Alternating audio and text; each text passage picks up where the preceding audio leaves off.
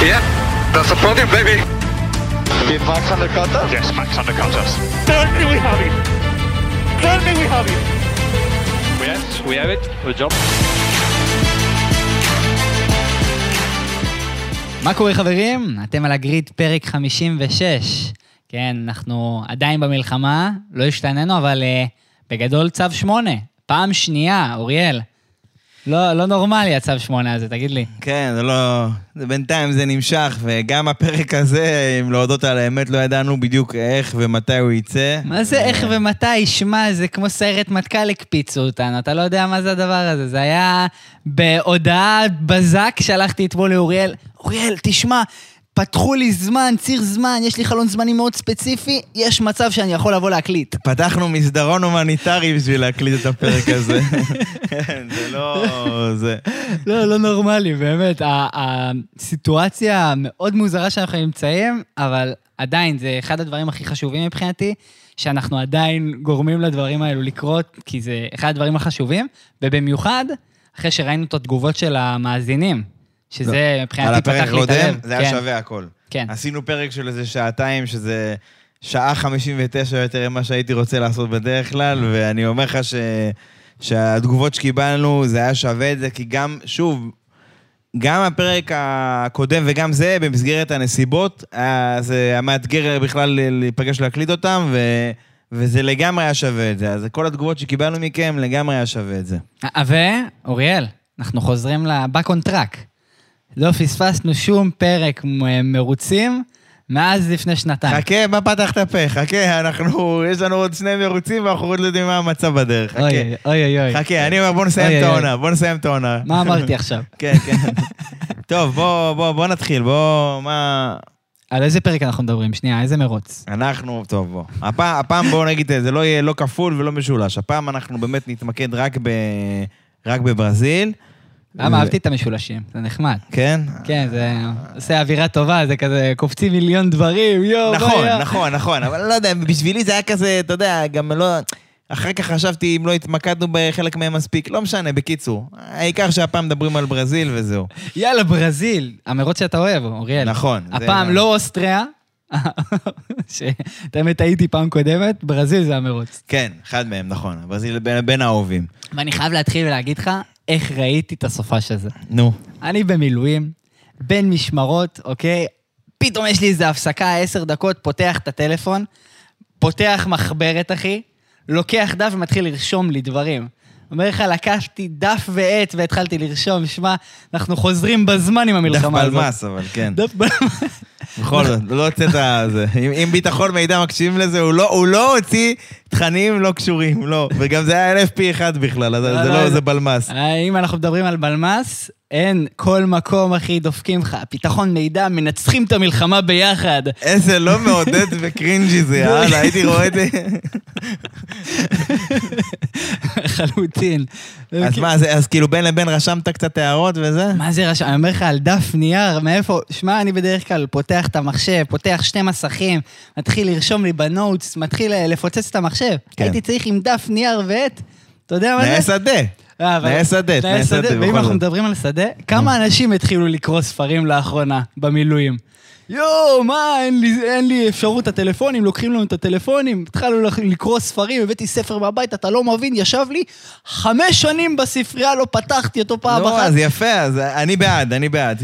חבל שזה לצערנו בנסיבות האלה, אבל אה, אני, בגדול אני בעד, בוא נגיד ככה.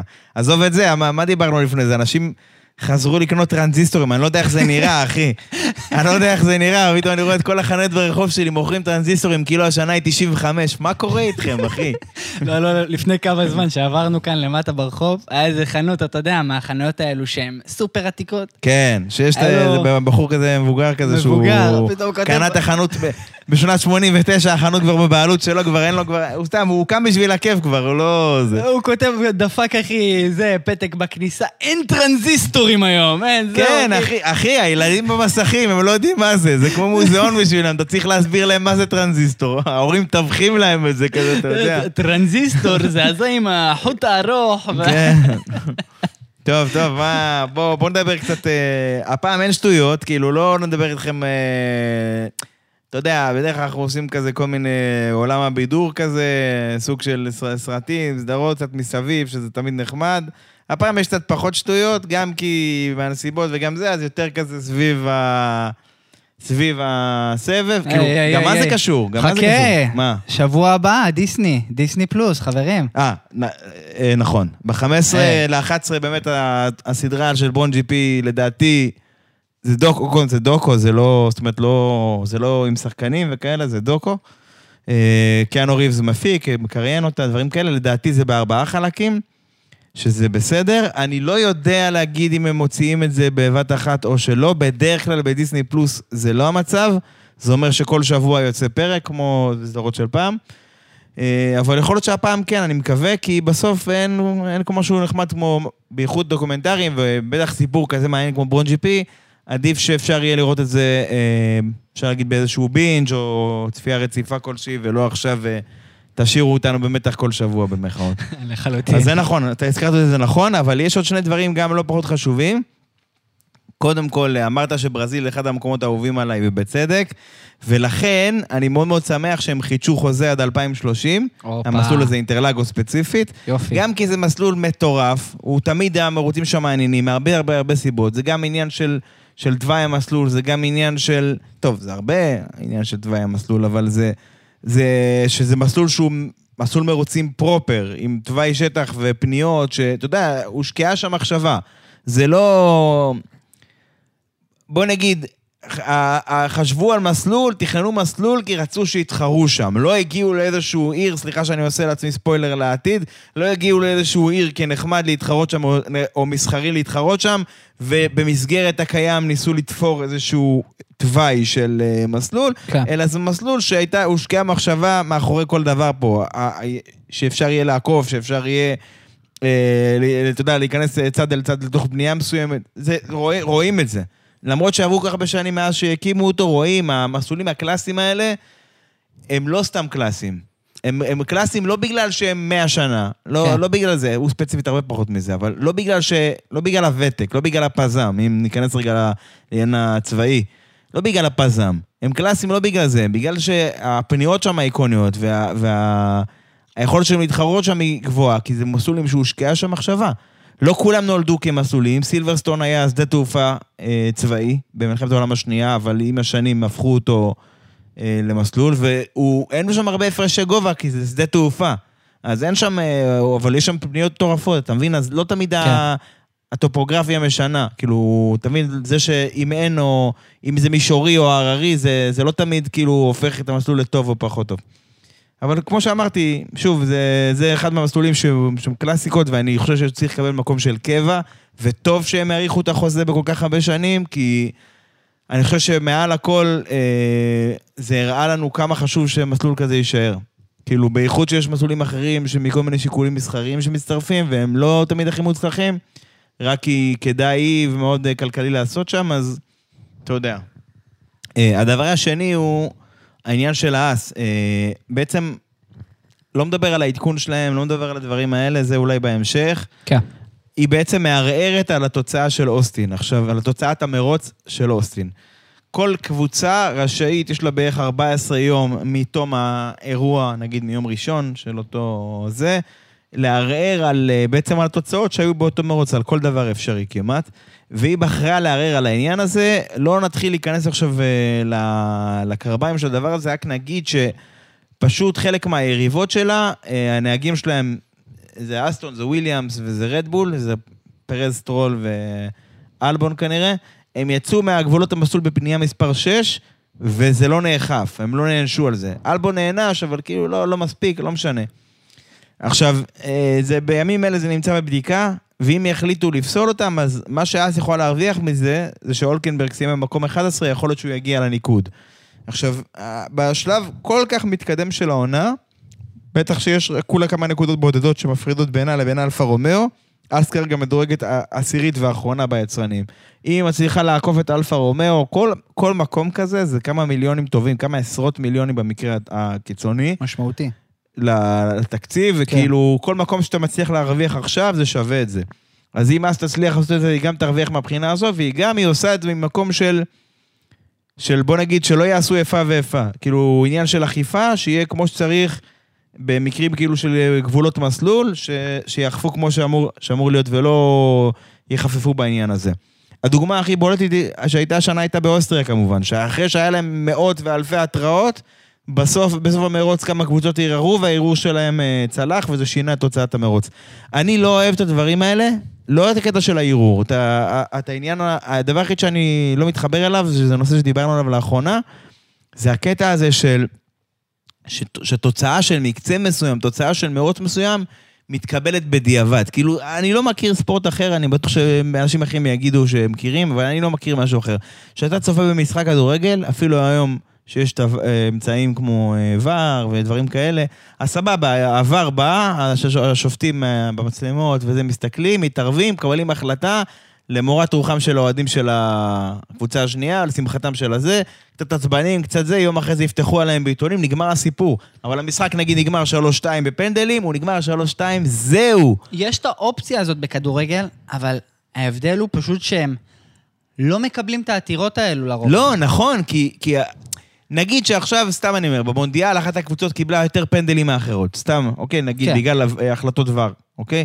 אז אה, הם, אה, השופטים הם כאלה וכאלה, ופותחים עליהם ברשתות החברתיות, סבבה. אבל המשחק נגמר. הקבוצה, אה, אה, המשחק נגיד נגמר 4-0, הוא נשאר 4-0.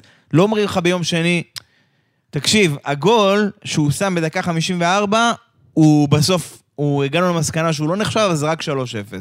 או שזה לא 1-1, זה בעצם 1-0 לקבוצה, אז הקבוצה השנייה ניצחה. לא, זה לא קורה.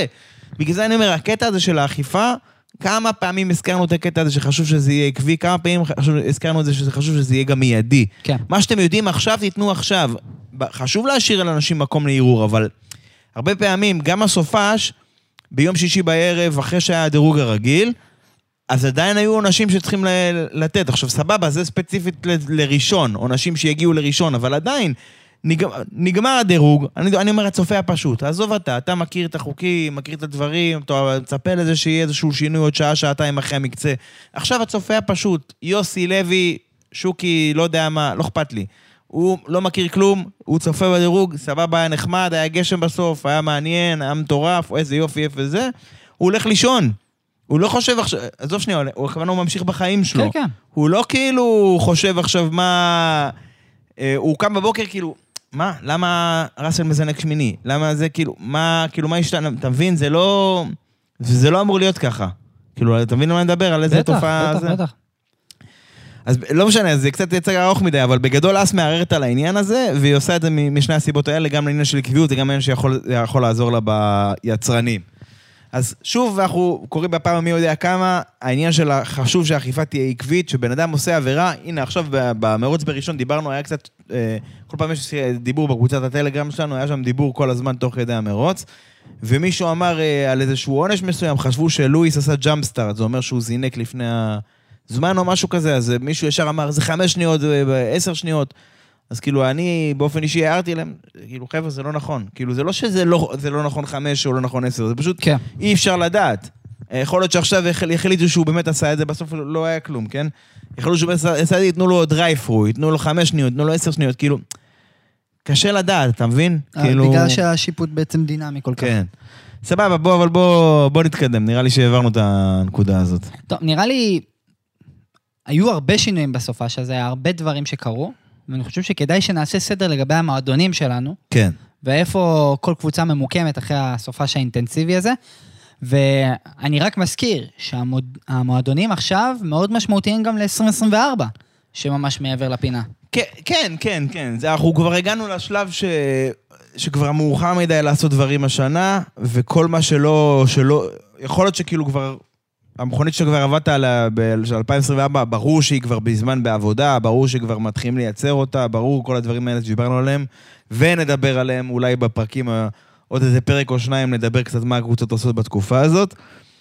אבל עכשיו כבר מזמן מאוחר מדי. בוא נגיד, אם אתה לא בכיוון, ויש קבוצות כאלה, ולא נטשת את הפרויקט הזה ממזמן לפרויקט של 24, אז אתה בצרות ל-24. אתה מבין מה אני אומר? כן.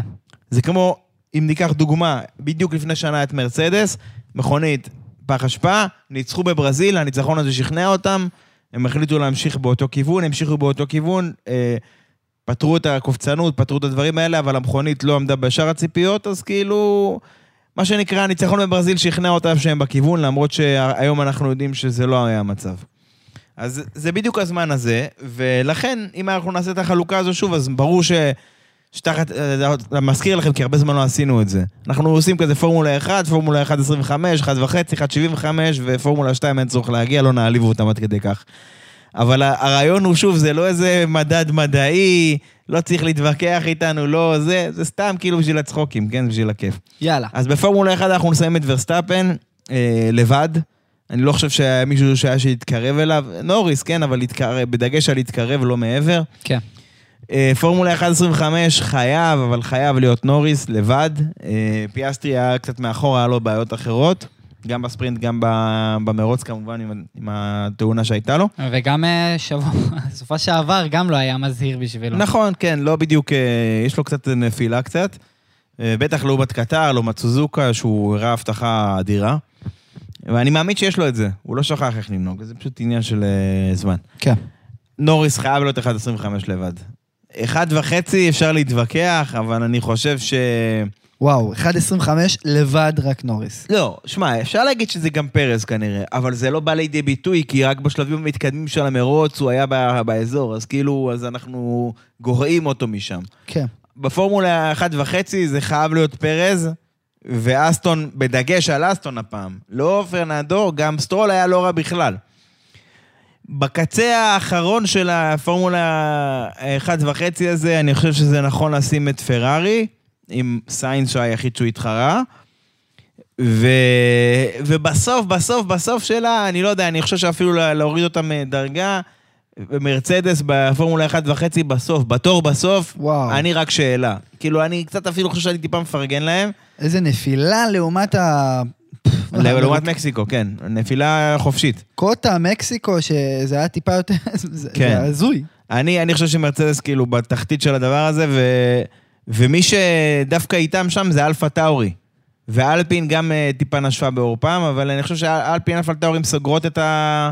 סוגרות את הפינה הזו, ומאחורה יש כל החבר'ה האחרים, האס, אלפה רומאו וויליאמס, דברים כאלה. Uh, וזהו. ובעניין הזה, כאילו, לפני שניגע בספרינט, יש איזה קבוצות שכן היית רוצה שניכנס אליהן? כן, חד משמעית, אני חושב שקבוצה שהייתי רוצה להתחיל איתה זה פרארי. אוקיי. הנושא הזה, בוא נתחיל בכללי. האימונים שלהם היו נראים טוב, סך הכל. הדירוג היה מצוין, מה, לקלר סיים אה, שני. כן. ופשוט, אה, נכון, לקלר לא היה במרוץ, אבל גם בספרינט וגם סיינס במרוץ עצמו, הם לא היו בכיוון. לא, אני לא חושב שלא היו בכיוון, זו הגדרה נכונה, אבל הם לא היו... בוא נגיד, אוקיי, אני לא, לא יודע איך אני... איך אפשר לכמת את זה בצורה יותר... אה, זה. גרועים הם לא היו. הם לא היו מצוינים, אבל הם גם לא היו גרועים, נגיד ככה. כאילו, הם היו במקום סבבה כזה. בוא נגיד, מלקלר, אם הוא... זה קצת אם ואם ואם ומה היה קורה אם, אבל מה לעשות, זה חלק מה, מהפרק. אם לקלר היה מזנק מהמרוץ, ולא הייתה את השגיאה שהייתה לו, שגיאה... משהו, זה, משהו... מה היה שם בעצם? בגדול חשבו שזה בעיה הידראולית. בעיה הידראולית, שיש בעיה כזו, זה אומר שאין לך היגוי ואין לך, אתה מתקשה בהעברת הילוכים. אבל זה לא, כנראה שזה לא היה המקור, כנראה שם איזושהי בעיית אלקטרוניקה, בקרה כלשהי, שהיא גרמה לבעיה, תקלה שם במנוע. הוא ניסה להפעיל את זה מחדש כמה פעמים, פחות הלך, איבד שליטה, עף לקיר. זאת אומרת, זה לא, לא בהכרח 100% עליו, נגיד ככה. זאת אומרת, זה איזושהי שגיאה, וגם נראה שלסיינס היה בעיות עם ההורדת הילוכים, אז כנראה, הוא אפילו אמר את זה בצורה קצת אה, בוטה, אבל שהם רוצים לזרוק אחר כך את הקלאצ'ה, זה לא משנה, אבל בגדול הייתי אומר שאם לקלר, זה, זה אימא ענקי, כן? זה כאילו, אבל אם לקלר מזנק כמו שצריך, הוא בכל זאת הוא זינק שני, פרארי שמרו לו סופט חדשים שהם לא שמרו לספרינט, בספרינט הם היו סופט משומשים. אתה יודע, איך אומרים, באוויר נקי, דברים כאלה, יוצא קדימה. בהנחה שהוא לא עוקף את מקס בזינוק או משהו כזה, וגם אם כן, אז, אז הוא צריך להגן ממקס, דברים כאלה, אני חושב שהוא יכל לסיים על הפודיום. עכשיו, זה אי ענקי, וצריך להתחשב פה במלא גורמים, ויכול להיות שלקראת הסוף פרס זה, אבל אם אנחנו מכניסים את לקלר לתמונה, אז אסטון צריך, עם, עם האלונסו צריך להתחשב בו, ונוריס במידה מסוימת צריך להתחשב בו. אתה מבין, כאילו, זה משנה טיפה את הגורמים. כי עכשיו נוריס שהוא לבד, אז הוא צריך להתרכז רק בלנסות להשיג את מקס כמה שאפשר, ואז שהוא קלט שאי אפשר, אז הוא שמר צמיגים כל, ה... כל הדרך, אפשר להגיד, אה, הגיב רק כשאפשר, שזה גם משהו ש... שאני חושב שצריך להגיד על, אה, על אה, נוריס. אני לא חושב שהוא לא עשה עבודה טובה, אני חושב שהוא עשה עבודה מצוינת. משישי לשני, זינק בשנייה, תפס כל, כל המיקומים האלה. אבל אני לא חושב שהוא היה צריך לזכות ב driver of the day. שוב, driver of the day זה לא איזה משהו מדעי, מדוד, לא יודע מה, זה סתם האוהדים בוחרים. אבל כן. לדעתי הוא לא עשה איזה משהו שמקנה לו את זה. הוא ניסה ללחוץ על מרק, שלא הצליח, שמר צמיגים, שמר קצב דומה שלו, נגמר הסיפור. הוא לא נלחם על איזה משהו. ב- בוא שנייה נדבר שנייה על נוריס. כי במהלך התחילה של המרוץ, נוריס היה ממש קרוב למקס, ודיברת בדיוק עכשיו שהאפשרות שאפילו נוריס אה, יאתגר אותו. הוא אבל- אתגר אותו, הוא אתגר אותו במסגרת היכולת, אבל שהוא, אתה לא יכול לאתגר נהג שיש לו עליו, שיש אה, לו עליך איזה, לא יודע מה, בכיס איזה שתיים שלוש עשיריות. אז סבבה, אז אתה לוחץ עליו קצת, אז אה, הוא, יש לו מכונית טיפה יותר טובה כנראה, אז הוא פותח עליך את השתיים שלוש עשיריות האלה רק בסקטור שתיים, נגמר הסיפור. אין לך מה עכשיו, כי אם אתה תתחרה איתו, תגמור את הצמיגים שלך, יבואו אליך אנשים אחרים מאחור. אז כאילו... הדבר כביכול הנכון, האחראי, כל הדברים האלה, זה לשמור צמיגים ולהגיב לכל מה שרדבול עושה. אבל בפועל הוא לא נלחם באיזה צורה בלתי רגילה, שזהו, זה לא איזה drive מטורף שהיה לו, כמו שהיה לו במקסיקו, שהוא חזר מהסוף למקום חמישי. לדע- לדעתי זה מרוץ סתמי שלו, אני לא הייתי ממהר לחלק לו פרסים על זה, נגיד כן, ככה. כן, כן. ברור מי ה... לדעתי, לא צריך... זה לא, לא, אין שאלה. ברור מי הכוכב הגדול של המרוץ הזה. לן סטרול. סתם, לא. לא, האמת שמגיע לו. אני לא רואה שזה מגיע לו, אבל אה, זה לגמרי אלונסו. לא נדבר על זה. כן. טוב, אה, אוריאל, אני רוצה לפתוח בפניך, שזה הספרינט האחרון לעונה. מזל טוב. וואו. מזל טוב, אני אומר. זה מה שיש לי להגיד על זה, תבין לבד. אז הפעם בוא, בוא נדבר על זה. זה היה, העונה היו שישה ספרינטים, אנחנו גם נסכם את זה נראה לי בפרק בנפרד, אבל בתקווה. בתקווה. אמ, ואיך היה לך, הספרינט האחרון? טוב, אני... אני לא יכול להגיד שלא באתי אליו עם ציפיות, כי גם, בג... גם בגלל המסלול וגם בגלל הספרינטים, כי אוקיי, בוא נגיד את זה ככה, הספרינט איתנו מ-2021. כן. מאז ועד היום, כולה עברו שנתיים, לא יותר מדי, אבל מאז ועד היום ברזיל תמיד היה אה, ב... בלופ הזה. תמיד היה כחלק מהספרינטים. לא משנה, בכ... למרות שהשתנה מאז הפורמט, כמה פעמים, הוא תמיד היה חלק ממנו. והוא סיפק סחורה מטורפת. נכון, ולכן גם, בהתאם, גם היו לי ציפיות אליו, ואני חושב שסך הכל זה עמד בזה, כי... שוב, אתה, קשה, קשה להיכשל במסלול כזה ש, שגם המזג אוויר כל כך דרסטי, וביום שבת, זה, יום שישי זה כמעט היה מרוץ לילה, מרוב שהשמיים השחירו. כן. כאילו, הדירוג אני מתכוון. כן, כן. ושמע, לא יודע, קשה להגיד. אני חושב שסך הכל אם ניקח את הספרינטים שהיו עונה, ולא, זה לא פרק סיכום עונה, אבל בקו, אני חושב שאפשר להגיד שהוא היה פח אשפה, סלח כן. לי, כן, מה כן, לעשות. אוסטריה, כרגיל, סיפק את הסחורה, אבל כי אפשר לעקוף וזה סבבה שם. מה זה סיפק? זה היה סבבה. זה היה יותר כאילו מוצדק, נגיד ככה. זה היה נחמד. כן, לחלוטין. אבל אוסטריה כאילו גם, שוב, גם אוסטריה, אני חושב שגם הוא פחות או יותר מהשנה השנייה איתנו בספרינטים, והוא סבבה. זו הפעם השנייה שהוא עושה את זה והוא סבבה לגמרי. מה עוד היה לנו? אה, ספא, אני חושב ש... שוב, ספא זה היה כזה מוזר, מוזר, אבל זה שוב, ספא זה כל- סופה שכל כך כאוטי עם הגשמים והזה, זה כאילו...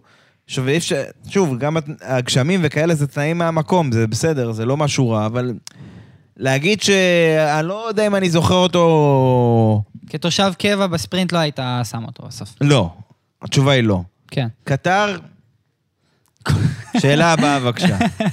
לא, אני חושב שלא. הייתי מעיף את ה... וקוטה. קוטה, שאלה הבאה בבקשה.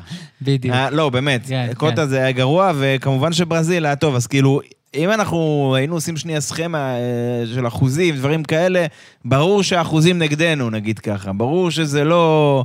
שבסך הכל, אני לא חושב שאפשר לסכם את הספרינטים האלה כהצלחה גדולה השנה. אבל בוא נעשה ככה, נפריד. יש את הנושא של ספרינט כספרינט, כפורמט, ויש את הספרינט כספרינט שהמסלול לא, לא מתאים לו פשוט. נכון, אבל זה משהו שאמרנו 20 פעם, צריך לדעת איפה, איפה לעשות את הספרינט. אם תעשה ספרינט עכשיו במונקו, אף אחד לא יעשה ספרינט במונקו, וואו. לא משנה כמה ישלמו, לא, אבל... תגיד את זה, זה אבל עושה לי הבנת את הקטע. צמרמורת, עזוב, בהונגריה. כן. תעשה ספרינט בהונגריה, זה לא יהיה טוב. אה, אני, אני נוטה להסכים. אה, אה, אתה צריך, אתה צריך, אני חושב שלמדנו הרבה. אולי הונגריה, ולמדנו את זה העונה, שיכול להיות המשחק בין סופט למדיום, יכול לא, לשחק. אבל, אבל, אבל הנה, הנה, אתה, אני מגיע לזה. שנייה, אני מגיע לזה. דבר.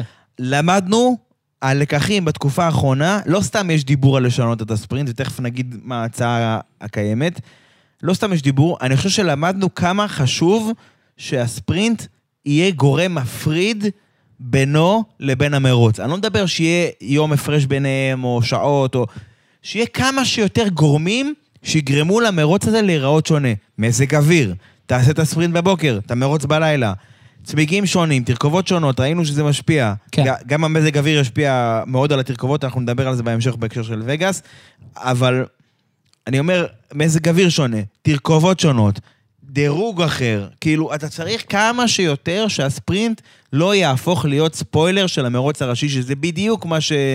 שקרה בחלק מהמרוצים היותר גרועים האחרונים, אבל גם בקטר הספרינט היה שונה מהמרוץ הראשי, אבל זה לא בגלל, זה בגלל נסיבות מקלות. פחדו על הצמיגים, אל תעלו על הקרבים, הגבילו אותם בזה, אבל זה שנה הבאה לא יהיה את הדבר הזה. אז שנה, אז כאילו, מה היה מונע מהספרינט להיראות בערך אותו דבר? הספרינט בקטר היה סבבה, כן? כן. אבל אני אומר, מה היה מונע ממנו לה- להתפתח באותה צורה? כאילו... תבין, בגלל זה חשוב לה- להפריד כמה שיותר ביניהם, ו- וכאילו, זה... אני לא מאמין שאני אומר את זה, אבל לפעמים אתה אומר את זה בכלל רעיונות כמו גריד הפוך, שאני לא אוהב את הרעיון הזה בכלל, כי זה רעיון של, של סדרות פורמולה נמוכות, 2, כן. 3, 4, דברים כאלה. לא, לא מתחבר לדברים האלה, וגם אני לא מתחבר לכל מיני דברים שאנשים הציעו לי ממוטו ג'י פי ומזה. אני אתן לך דוגמה. אה, למשל, עכשיו אה, אה, אריאל אלקין התחרה בקוטה, היה לו דווקא סופש טוב, וזה אנחנו גם נדבר עליו אחר כך. שמע, המרוץ הראשון שלו, הוא זינק מהמקום השישי איפה שהוא דורג. המרוץ השני זינק מהמקום הראשון, המרוץ השלישי זינק מהמקום ה... עכשיו, למה, למה זה ככה? כי זה לפי ארבעת הקפות הראשונות, וזה, אם אתה סופר את זה באלכסון הפוך, אז ככה... כאילו, אני אומר, מה, אני- למה אני מספר את כל הסיפור הזה? מה, למה אני לא אוהב את ההצעות האלה וההצעות של מוטו פי וכל הדברים שאנשים הציעו איך לקבוע את סדר הדירוג? אם אתה צריך סדרה הנדסית, או פיבונאצ'י, או לא יודע מה, איזה קוד, כדי להסביר את הדירוג הזה, זה לא מתאים. זה בפירוש לא מתאים. אנחנו צריכים שזה יהיה פשוט, ושזה ייצור תחרותיות. הר- הרי גם בפורמט הנוכחי וגם בקודם, אני יכול להתחייב לך שכל שנה, כל סופה של הספרינט, אני באופן אישי, מסביר את הדבר הזה כל פעם מחדש, ועדיין יש אנשים שלא מבינים. ואנשים, זה לא שהם חלילה טיפשים או משהו, פשוט זה לא מספיק פשוט, זה לא מספיק מונגש. בגלל זה אני אומר שזה חייב להיות פשוט, בלי נוסחאות, לא הבחור הזה שקבע את הזמן השני מהסוף, אז הוא שני. לא דברים כאלה, תפסיקו משחקים כאלה. דברים פשוטים, ושייצרו אה, הבדל משמעותי, שיהיה מפריד בין המרוץ הספרינט לספרינט למרוץ הראשי, כדי שתהיה סיבה לראות אותו. כן. בוא, בוא נראה לי, נדבר על השינויים האפשריים שיכולים להיות לספרינט. כן, עכשיו יש הרבה מאוד דברים שרוצים לעשות, דיברנו על זה במסגרת אחרת, רוצים לעשות פרס כספי, רוצים לעשות אליפות נפרדת, רוצים, רוצים, רוצים. אני יכול להגיד לך מה ההצעה שיש כרגע, זה לא אומר שהיא זו שתתקבל, זה פשוט, זה הדיבור שיש כרגע, זה מה שמדברים, ויכול להיות שאנחנו נדע על זה רק בפברואר השנה הבאה, או לקראת העונה פתאום תתר- תתכנס אותה ועדה של פורמולה 1, של, עם נציגי הקבוצות וכל אלה, ויקבלו את ההחלטות לקראת העונה הקרבה באופן סופי. הבנתי. אבל זה מה שיש. בגדול, רוצים להחזיר את הדירוג לשבת, את הדירוג הרגיל, דירוג כמו שאנחנו מכירים, בשבת. וזה אומר ככה, שישי, בבוקר יש לך עדיין אימון אחד, ואחרי האימון הזה, אה, סוג של נעילת הצורה, אסור לעשות שינויים במכונית. סבבה? כמו שאנחנו בספרינט. לא אוהבים את זה, באופן כללי. אוהבים, לא אוהבים, זה ויכוח, כן. לא יודע. אני כאילו, אני אוהב את זה, אבל בגבולות הטעם הטוב. בערב יש לך דירוג לספרינט, אוקיי? עוד פעם, שישי אימון, אה, ובערב דירוג לספרינט. שבת בבוקר, ספרינט. מרוץ מקוצר על הבוקר. לא משנה, לא על הבוקר שיש בבוקר, כן? 11, 12, 13, 1, 1 2 בצהריים, כן. משהו כמו שהם בדרך כלל עושים. שבת בבוקר, ספרינט. שזה כבר אה, שונה, וזה נחמד, כי זה נותן המשכיות, כי אין כאילו, הדירוג הזה קובע לראשון, לשני, לא. דירוג, מרוץ מיד אחריו יום אחרי זה, דברים כאלה. ואז שבת בערב יש לך את הדירוג הרגיל, ובראשון מרוץ. עכשיו יש פה איזושהי כוכבית. אה, הכוכבית הראשונה היא, ש... וגם בעצם זו הכוכבית היחידה, שרוצים לפתוח את העניין של הנעילת הצורה אחרי הספרינט. הרי מה קורה היום? מה קרה בברזיל? היה להם שעה ב-FP1 לעשות מה שהם צריכים לעשות, למצוא setup, את ה... את ה נקרא לזה את האופטימום של המכונית, המצב שהיא תהיה הכי מותאמת למסלול. אם הם עשו את זה טוב, הם הרוויחו כל הסופש, אם הם לא עשו את זה טוב, הם נדפקו כל הסופש, כמו מרצדס למעשה. אתה מבין? כן. עכשיו, אם אתה מאפשר פתיחה של הדבר הזה אחרי הספרינט, אז אנשים יוכלו, אחרי שהם יתחרו בספרינט, להפיק את הלקחים שלהם, ולשנות בהתאם, ולהתחרות שוב בדירוג. אז כאילו, זה לא דופק את הבן אדם לכל הסופש, אתה מבין? זה, זה מוסיף איזושהי רמה של עניין. הרי. ראינו שבאוסטין, למשל, תגוב- תגובות, קבוצות מסוימות כמו האס, כמו אסטון מרטין, זינקו מהסוף כי הם שינו את ה setup. אז אנחנו לא רוצים לראות דברים כאלה, אנחנו רוצים שאנשים יעשו את הספרינט, יפיקו את הלקחים שלהם, ואז יבואו קצת יותר מוכנים לדירוג, ואז... עכשיו, לא משנה אם המסלול דומה, זהה, לא יודע מה, ברגע שאנחנו עושים את זה, אנחנו כבר פותחים את זה לשינוי. כן. כי קבוצה נגיד שפישלה, פתאום היא תהיה תחרותית ביום ראשון.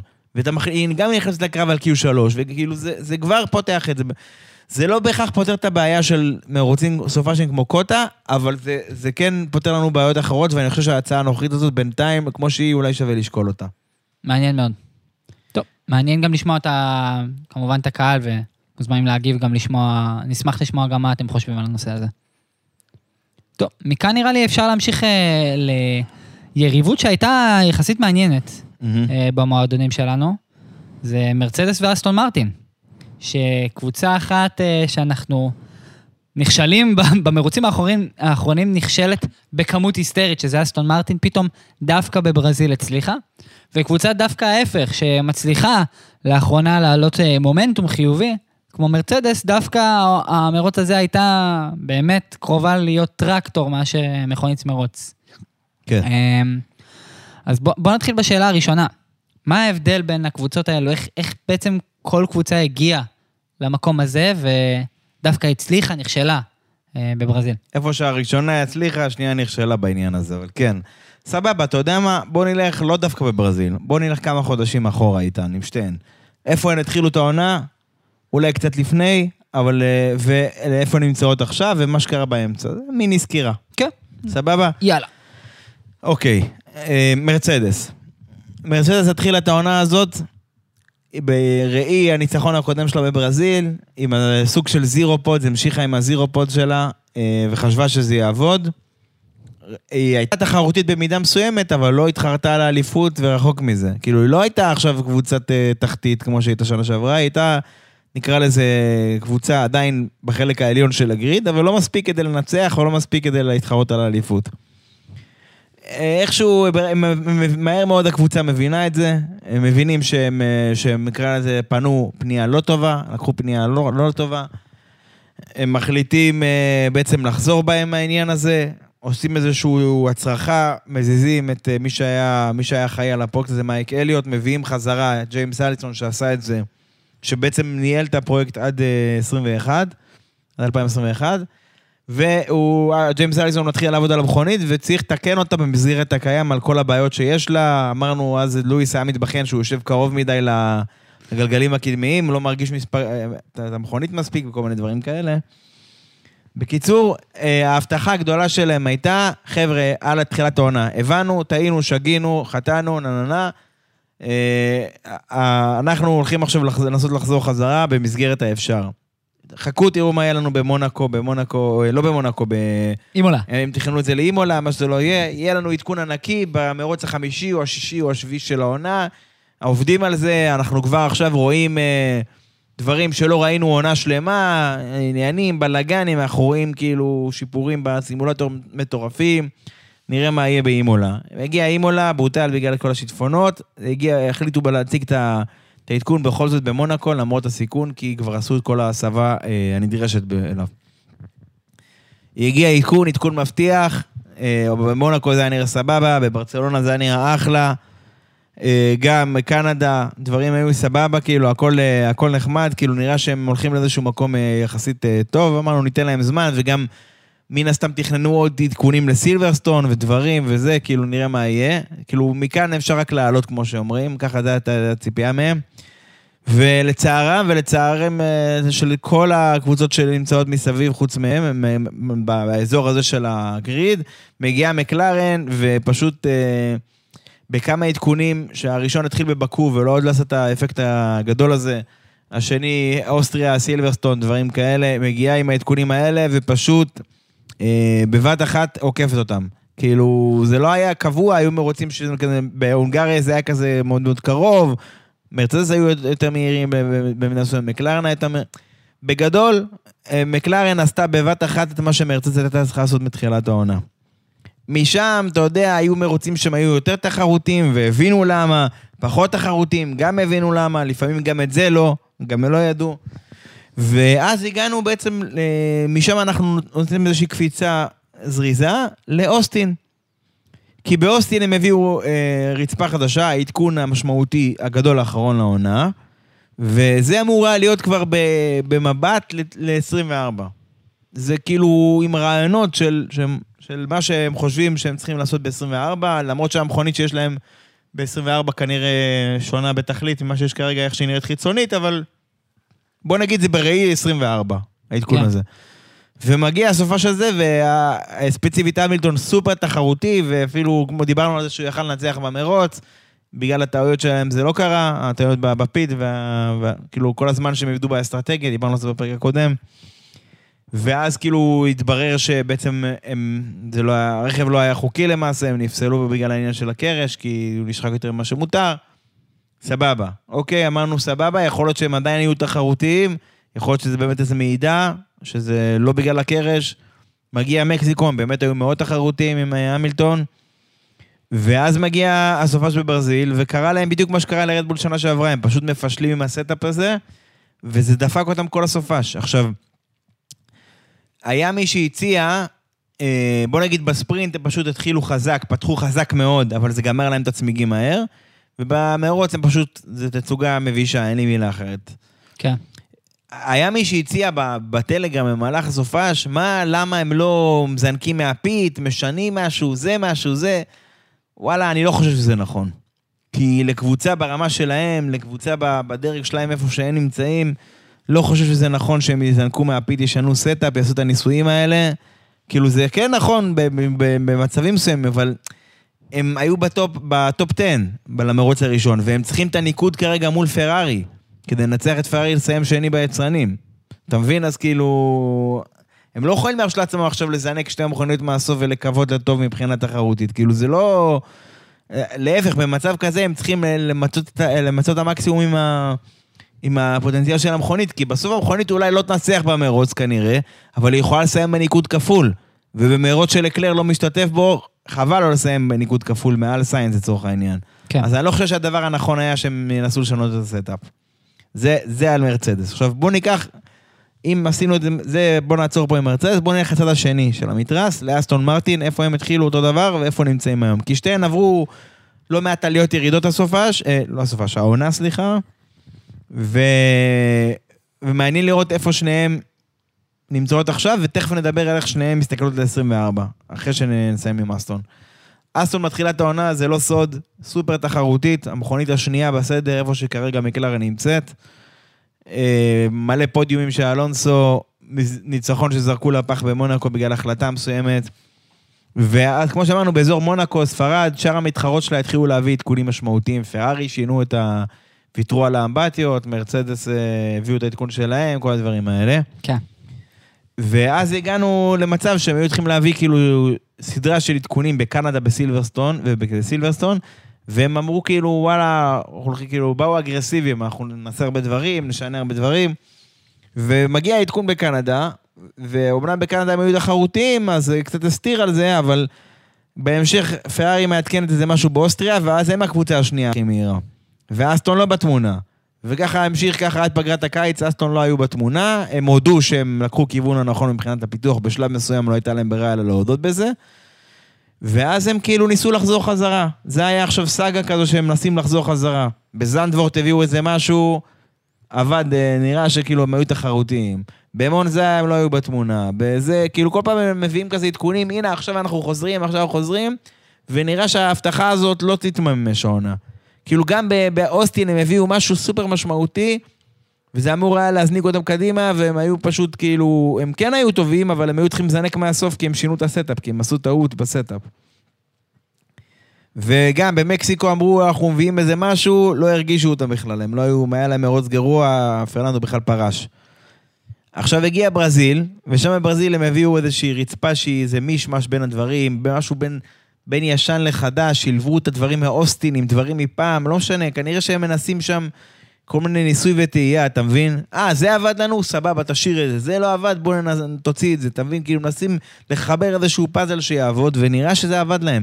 עכשיו, לא יודע להגיד לך אם אסטון חזרה, לפי ברזיל כן, אבל נשארו לנו עוד שני מרוצים שהם צריכים להוכיח את עצמם שהם אכן בקבוצה הזו של פורמולה 1.5 בשאיפה ל-1.25. כן. אבל זה רק להראות לך ששתי הקבוצות האלה מתמודדות עם חוסר ודאות, חוסר ידיעה, הייתי אפילו אומר חוסר קורלציה. ואם אני אתרגם את זה לעברית, אני פשוט אגיד לך, בסימולטורים שלהם הם רואים שיפור עצום, מגיעים לשטח, לא קורה, משום מה, מכל סיבה שהיא, המכונית לא צפויה, לא, אין אחיזה, דברים כאלה. כי הרי את ה- אי אפשר להגיד, אה, אם מרצדס שחקו את הצמיגים שם כל כך הרבה, סימן שלא הייתה להם מספיק אחיזה. אז אתה מבין, הסימן שמשהו שם לא עובד, סימן שהם לא... או שהם היו שמרנים מדי, כאילו הגביאו את המכונית יותר מדי, לא יודע בדיוק מה, סימן שמשהו לא עבד שם. עכשיו, אחרי שדיברנו על שתי הקבוצות האלה ועל ההבדל המהותי בגישה ביניהם, שתיהן הרי בסוף מגששות באפלה. כן. אסטון מנסה לחזור לתחילת העונה, לפורמה הזו הסופר תחרותית שהיא הייתה בה, ומרצדס זה יותר מחפשת קרקע יציבה, אני אקרא לזה, אתה מבין? פחות כאילו עכשיו להגיד חבר'ה, כי הם לא, אף פעם לא היו כאלה תחרותיים, זה פשוט, אנחנו רוצים לראות ש... אוקיי, אנחנו מבינים מה אנחנו עושים, העדכונים שאנחנו מביאים, הם עושים את מה שאנחנו מצפים שהם יעשו, וכדי שנדע שאנחנו בכיוון לשנה הבאה.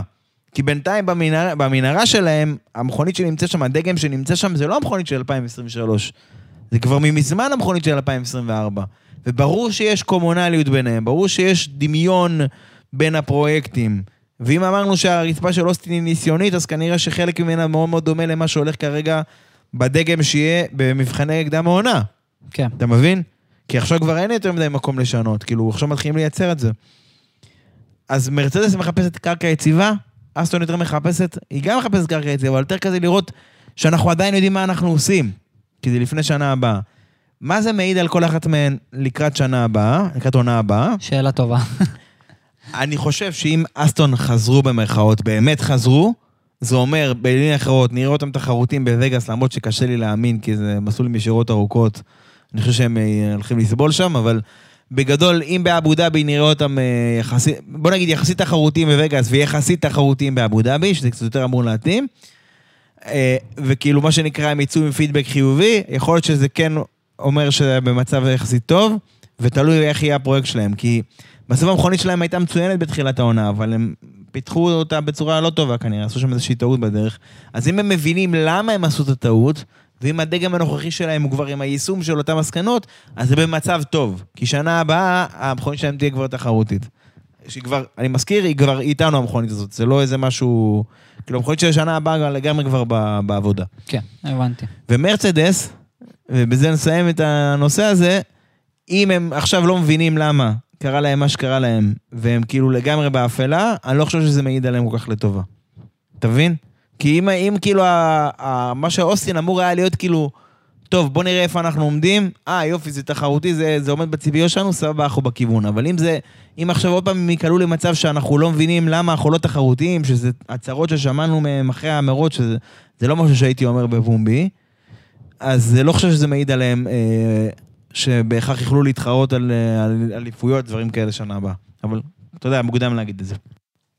טוב, אז אה, אם ככה, אני רוצה לקחת אותנו למקום אחר, לבחור שאת האמת הבריק המרוץ הזה, ובדרך כלל, אתה יודע, הוא מרשל לאחרונה, זה צ'קו פרז, שבעצם, בוא נדבר ככה, התחיל מרוץ, לא הכי, לא יודע מי יודע מה, ומשם רק השתפר והגיע למצב שהוא אפילו נלחם על הפודיום עם אלונסו, והביא לנו את אחד, ה, אחד הדברים, אחד האירועים הכי מטורפים שהיו לנו העונה, שזה ההקפות האחרונות אה, והמלחמה בין אלונסו לפרז, אה, כדי לזכות במקום השלישי, אה, בסוף אה, אלונסו ב photo finish. כן. מסיים וככה זוכה, אה, זוכה במקום השלישי. אבל אה, בוא, נראה לי נתחיל מההתחלה. איך פרז הגיע בכלל למקום הזה ואיך הוא בעצם הצליח אה, אפילו לנסות להתחרות על הפודיום. אז זה, זה אולי טוב שהתחלת עם זה, כי אני לא חושב שה... הוא זינק תשיעי לדעתי ביום ראשון. אני לא חושב שהדירוג שלו משקף את הסופש שהיה לו. אתה מבין מה אני אומר? כן. היה לו סופה שהרבה יותר טוב מהדירוג הזה. עכשיו, הדירוג בשישי זה משהו שלא לא התייחסנו אליו כל כך, אבל הוא היה מאוד כאוטי, הוא היה מאוד מבולגן, כי...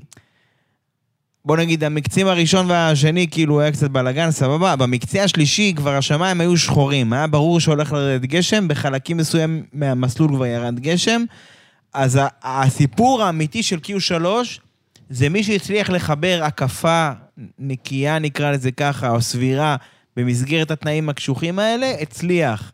ומי שלא, פשוט כאילו נשאר מאחור. אז לקלר וורסטאפן, הם הצליחו לעשות את זה, לכן הם ראשון ושני, בהתאמה עם אה, מקס ראשון ולקלר שני.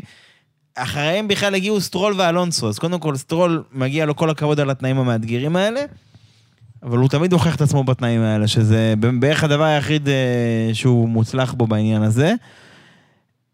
אבל אני אומר, הרבה אנשים נפגעו מזה. ואני חושב שזה לא היה מייצג, המפסידים הגדולים של אותו דירוג, מלבד אה, פרז כמובן, היו סיינס, שגם פישל, וגם מקלרן, שבקלות יכלו להתחרות על ה pole, שזה בדיוק קרה בספרינט יום אחרי זה. הרי... אה, כן, אני כן, לא, כן, לא כן. טעיתי, נכון? כן. נוריס היה ב pole, ב sprint pole, כאילו, נכון. בעצם. ו...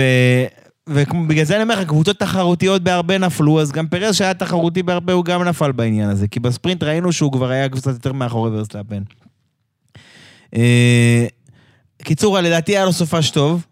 גם אה, המרוץ שלו, אמנם הוא זינק תשיעי, אבל הוא טיפס בצורה, בצורה הדרגתית, בצורה מהירה, עקף את כל המכוניות שבדרך, גם את המרצדס שהיו התקשו יותר, גם אחר כך את אה, פרארי, כאילו, הוא, הוא כן, הוא עשה עבודה מצוינת לדעתי. המח, המחסום הכי גדול שלו, שגם הצליח לעצור בעדו בסוף, היה אלונסו. במכונית אה, אה, פחות אה, טובה למעשה מאשר הרדבול, אבל, אה, אבל בניהול חכם, בניהול נקרא לטקטי חכם של אלונסו. אה, אז כן, אני חושב ש... למה אני, למה נתתי את כל הפסקה הזו עכשיו על פרץ, כל המניפסט הזה? כי זה חשוב להגיד שבסוף, גם אה, באוסטין הוא עשה עבודה טובה, ובמקסיקו, אה, הוא נכון, הוא פרש בהתחלה בגלל הטעות שהוא עשה שם, אבל גם, גם על מקסיקו אמרתי לך אז שזה לא נכון לשפוט אותו על זה, כי הוא עשה עבודה טובה בסוף.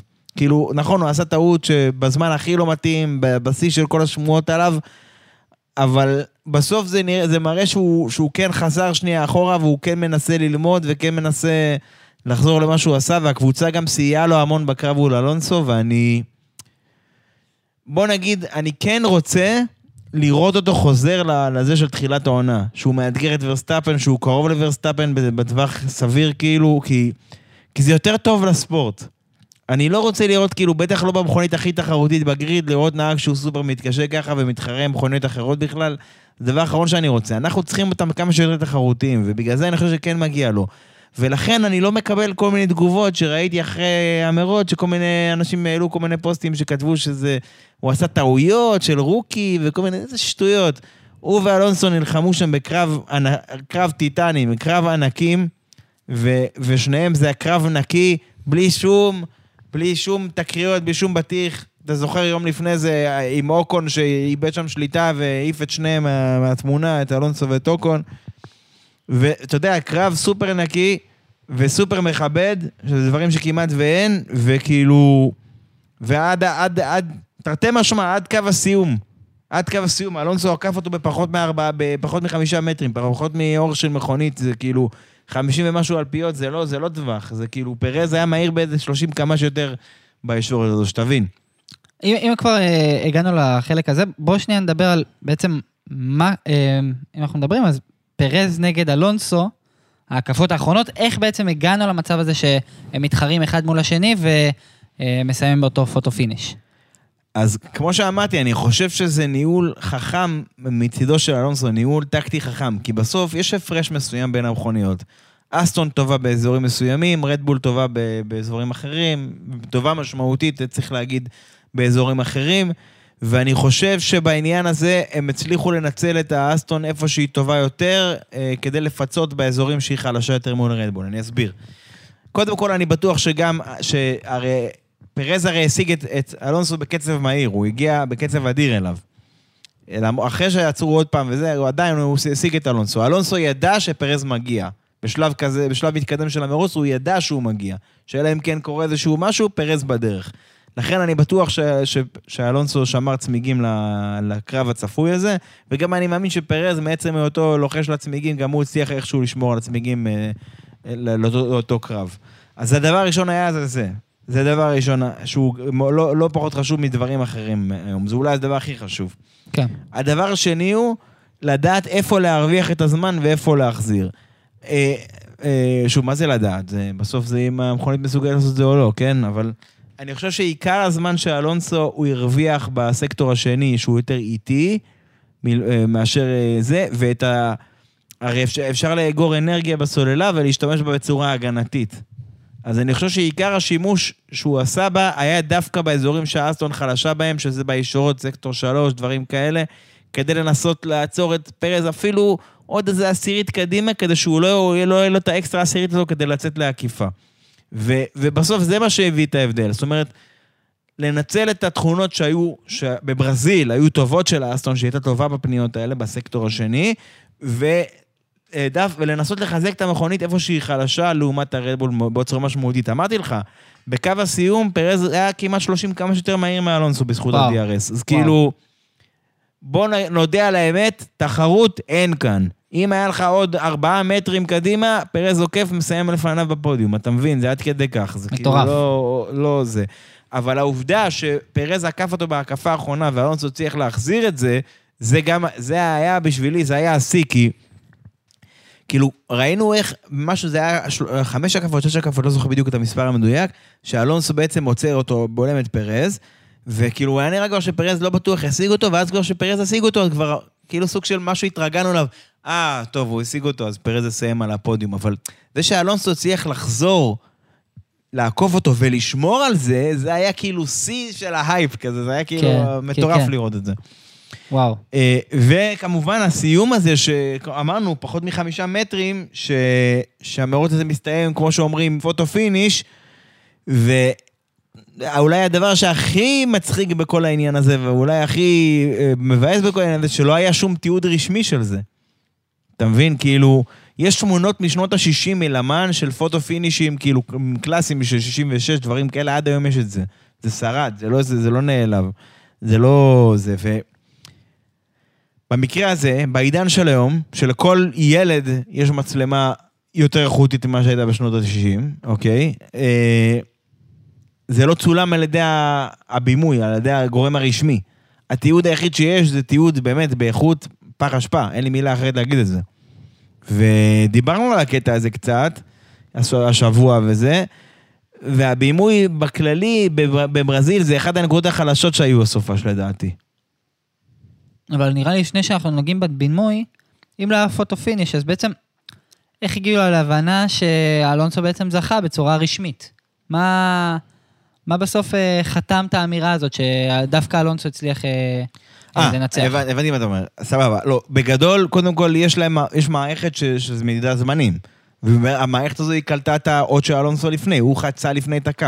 אין איזה, כאילו, אנשים חושבים שיש איזושהי מצלמה שמצלמת את הקו, ואז רואים את האף של מי הוא חצה או משהו כזה. לא. כמו, כמו סטייל אה, אופניים בעצם. אין איזה משהו כזה. לא, אין את זה. היה משהו אלקטרוני נטו. זה משהו אלקטרוני שהאות של אלונסו עבר את הקו קודם, וידעו שהוא עבר קודם. הבנתי. והעניין הוא, העניין הוא, וזה אולי מחזיר, מחזיר אותי קצת לשאלות שעלו השבוע, כי הרבה אנשים אמרו, כי בגלל שלא היה תיעוד רשמי, התיעוד היחיד שהיה, שאחר כך עלה גם בערוצים הרשמיים, זה של אחד העובדים בפורמולה 1, לא עובד בצוות הצילום. הוא וואו. לא, הוא, לא, הוא לא עובד, יש צוותים ייעודיים של הצילום, הוא לא עובד בצוות הצילום, הוא טכנאי. הוא פשוט עמד שם ב- ב- איפה שבדרך כלל הצוותים היו עומדים, ופשוט צילם את, ה, את שתי הרכבים חולפים, ורואים את אלונסו חולף לפני פרז אה, את הקו. ולכן הרבה אנשים שאלו, רגע, רגע, הם לא כל כך ראו את הקו בסרטון. אבל אני רואה שפרז אחר כך רוצה את הקו השני ראשון, זה לא הקו, שהכוונה לקו הזינוק. כן. זה לא הקו שקובע, אז התשובה היא שלא. ואולי אולי בגלל זה אנחנו צריכים לדבר על העניין הזה. יש, בברזיל היו שני קווים, זה בדרך כלל שני קווים. קו הזינוק זה הקו ש, שה grid מגיע אליו. כולם מתיישרים בתחילת המרוץ לזה, יש קו שהוא קו זינוק, והוא משמש רק פעם אחת לזינוק. אחר כך, מאחוריו יש קו שהוא קו, מה שנקרא start finish, שממנו נמדד הזמן, ממנו נמדדות ההקפות. וזה הקו הקובע, והוא תמיד נמצא טיפה מאחורה מסיבות היסטוריות, כדי שהעמדה של המרשלים, של מנהלי המרוץ, תמיד תוכל להשקיף עליו. ואז אם למשל יש איזושהי תקלה טכנית והמערכת המדידה לא עובדת, אז יש בן אדם שיש לו פידבק ויזואלי, הוא רואה איזה מכונית חוצה. או אם הוא יכול למלא את זה ידנית. אתה מבין? תמיד יש לו איזשהו פידבק, לכן הקו הזה נמצא תמיד טיפה מאחורה. יש כל מיני מסלולים שה, שהקווים האלה הם אותו קו, אבל ברוב המקרים תמיד יש איזו הפרדה ביניהם. גם מהסיבה הזאת, וגם מהסיבה של סדרות אחרות. הרי יש, יש סדרות מרוצים, בייחוד סדרות נמוכות, שיש גם 30 מכוניות בגריד, ו-35 מכוניות בגריד, שמתחרות באותו זמן. אז אם רוצים לפרוס את כולם בגריד, אי אפשר כאילו שהקו הזה יהיה באותו דבר, כי יש אנשים שיעמדו בירידה איפשהו, במקרה של ברזיל. אז צריך שהקו יהיה טיפה יותר קדימה, שתוכל לפרוס את כל הגריד, ועדיין אנשים יעמדו באיזושהי ישורת מסוימת. אז, אז שתי סיבות, גם, לא, גם עניין של לוגיסטי ארגוני, וגם עניין של כאילו עם גיבוי למערכות. אה, עכשיו, איך בעצם, אתה רוצה שאולי נדבר על זה קצת? כי דיברנו על הבימוי, גם השבוע דיברתי על זה בפייסבוק, אז אין צורך להרחיב על זה, שהבימוי פשוט היה פח אשפה, וזה שלא מצלמים רגע פוטו פיניש שכמעט ואין בפורמולה 1, ו- וברור לכל בר דעת שזה צריך היה לקרות, אז למה לא צילמו את זה, אז חבל. אבל לא, לא נחפור על זה שוב, אבל אולי, אולי כדאי שננצל את ההזדמנות כדי לדבר איך בעצם כן מודדים את הזמנים. כן. בצורה, בצורה אה, מקוצרת אומנם, אבל ננסה להסביר לכם איך מודדים זמנים במסלול. אה, בכל מכונית יש שני משדרים, כאילו, שהם משדרים את המיקום של המכונית, איפה שהיא נמצאת וכל זה. אחד בחלק הקדמי של המכונית, מתחת לאף, תרתי משמע, פשוט מתחת לאף של המכונית. השני, בחלק האחורי, איפה שהאור של הגשם והדברים האלה, אה, יש משדר שני. למיטב הבנתי, משתמשים בעיקר, אך ורק, או לא בעיקר, אך ורק בראשון, בקדמי, אוקיי? עכשיו, איך מודדים את הזמן? בעצם כל כמה מאות מטרים, לפני, מן הסתם לפני האירוע, חותכים עם דיסק את המסלול, ומשחילים שם אה, קבילה, כבל, עם, אה, עם איזשהו מגנט או משהו שגורם לאיזה סגירת מעגל שה... שברגע שהמכונית חולפת על פני הדבר הזה, אז נסגר במרכאות אותו מעגל ומתקבל איזשהו אות ויודעים שהיא חלפה, אוקיי? עכשיו, יש לנו כל כמה מאות מטרים, חותכים בעצם את המסלול בנקודה מסוימת ופורסים שם את הכבל. וברגע שהמכוניות עוברות על גבי אותן לולאות, נקרא לזה אותן לולאות של זמן, אז יודעים אה, איפה המכונית נמצאת בכל רגע נתון. איך אנחנו אבל יודעים אה, לחשב את הזמן? כי אנחנו יודעים אה, כמה מרחק היא עברה, וכאילו, אתה יודע, בפיזיקה הכי פשוטה, מהירות כפול זמן שווה דרך. אם אנחנו יודעים כמה, כמה אה, אה, מרחק היא עברה ובאיזו מהירות היא עשתה את זה, אנחנו יכולים להסיק מזה את הזמן, להסיק מזה את הזמן ההקפה ולמדוד את הזמן. אותם כל כמה מאות מטרים שיש בעצם במסלול, שמודדים את הזמן, זה מה שנקרא מיני סקטורים, שזה משהו שלא מופיע ב, בשידור הרשמי, אולי באיפה נתיבים מסתכל בגרפיקה, כל... אחד משלושת הסקטורים העיקריים, מחולק למלא מלא פרקים קטנים, וזה המיני סקטורים האלה. אה, עכשיו, בעצם אה, זו הדרך שגילו שאלונסו חצה, כי אם המשדר נמצא מתחת לאף של המכונית, אז האף של המכונית של אלונסו מן הסתם חצה קודם, וככה ידעו שהוא חצה קודם, מעבר לעניין הוויזואלי שראו שאלונסו חצה קודם. וכמו שאמרנו, אם אנחנו יודעים באיזה מהירות כל אחד הגיע, ואיזה מרחק הוא עבר, אז ודאי שאנחנו יודעים להגיד גם לקבוע את זמני ההקפה שלו. עכשיו, אותם, אותם מערכות, או מערכות, אפשר להגיד, אותה תשתית, היא משמשת אותם גם בעניין של ג'אמפ סטארט, כמו שאמרנו, לראות שבן אדם לא מזנק לפני הזמן.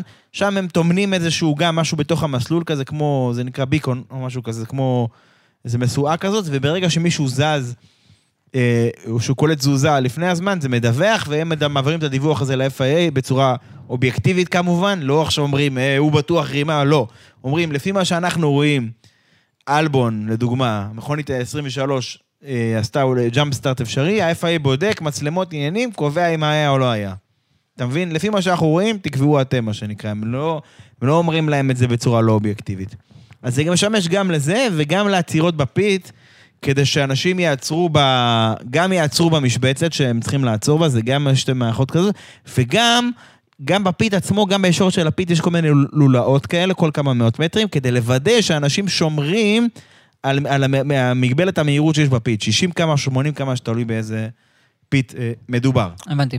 אז זה באמת היה איך, אה, איך בעצם מודדים זמנים. אז אבל כמו שאמרנו, גם השבוע דיברנו בפייסבוק, באינסטגרם, איך שצריך, הבימוי היה הייתה בעיה אחת, הבעיה השנייה היא, היא צצה דווקא ממקום אחר, מהמקום של פיאסטרי ו, וריקרדו, שני האוסטרלים שהיו בס, שבסבב.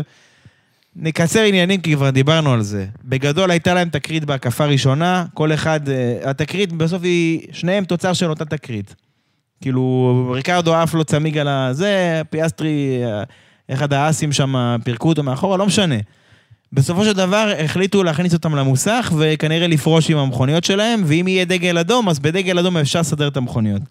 בסוף, לא משנה, הם, הם נכנסו ואנשים בעצם המשיכו להסתובב עד שהודיעו על הדגל האדום, ו, והם סידרו את המכוניות במידת האפשר, וקרה שפשוט חידשו את המרוץ, אז פיאסטרי וריקרדו היו הקפה אה, פלוס אחד כאילו. זאת אומרת, הם כאילו מפגרים בסיבוב אחרי כולם.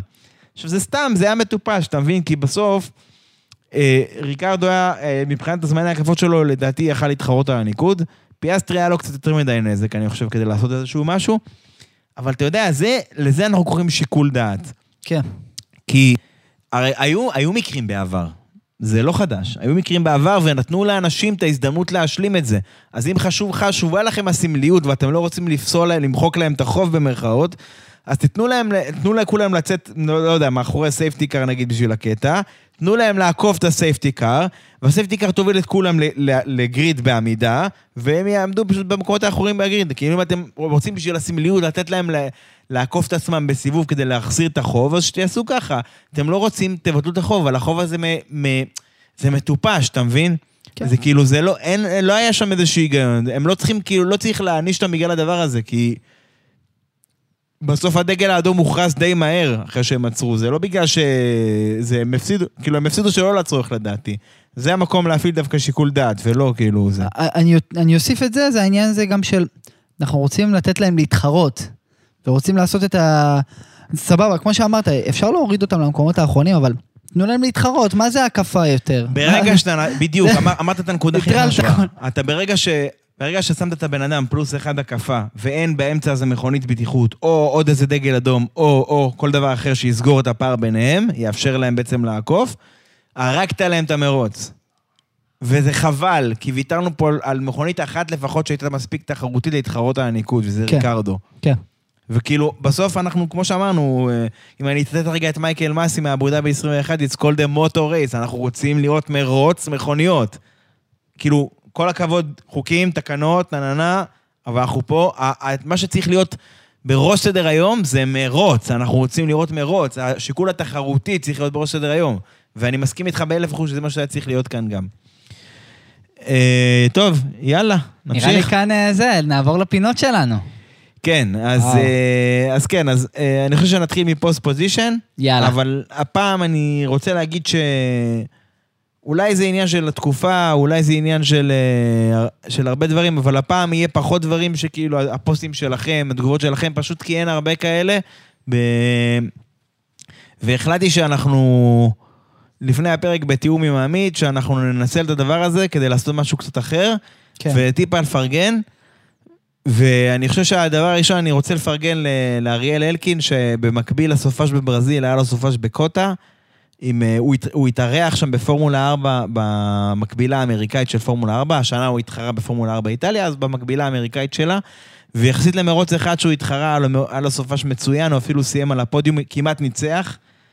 ואני מקווה שזה יפתח את העיניים הנכונות שם לכמה אנשים, שזה פתח שם כמה עיניים. בוא נגיד, זה מכונית אחרת, מסלול שהוא לא מכיר. אני מקווה שזה ייתן לו איזשהו גיבוי שם, שהוא יצליח למצוא ספונסרים לעונה הבאה אולי, דרך הדבר הזה, או שאפילו אפילו יפתח לו, ייתן לו מקום שם להתחרות, לא יודע. בכל מקרה, יחסית, כמו שאמרתי, למסלול שהוא לא מכיר, מכונית שהוא לא מכיר, זה ביצועים אדירים, והייצוג הזה, אה, אולי זה לא, לא יודע אם זה מקומי להגיד, אבל דווקא בתקופה הזאת, זה, זה כמו סוג של נקודת אור. אני חושב שזה... וזה מאוד חיובי, וזה בא בטוב, ואני שמח לראות שהוא מצליח ככה, ואני מאחל לו שיצליח בהמשך. אני, אני אוסיף גם, א', הנושא הזה של השידור, שהוא קיבל גם רעיון, וגם בשידור אהבו אותו ממש, ולראות בשידור גם דגל ישראל, שזה בכלל מאוד מאוד אה, מרגש, במיוחד ברגעים האלה. כן. אה, ובאמת, באמת, באמת, באמת כל הכבוד לאריאל. כן, עכשיו, הדבר השני שהייתי רוצה להזכיר ברשותך, זה כן, הייתי רוצה לדבר על זה שאולי זה, זה פשוט חשוב לי כרגע, להזכיר כן. את זה, ובמהלך הסופש בברזיל, אה, לפחות ביום שישי, קיבלנו איזושהי בשורה לא טובה. קמנו בבוקר לאיזושהי ידיעה שאחד החברים בקבוצה, הוא בעצם, אה, הוא נפל בקרב ברצועת עזה, בצפון, בצפון הרצועה.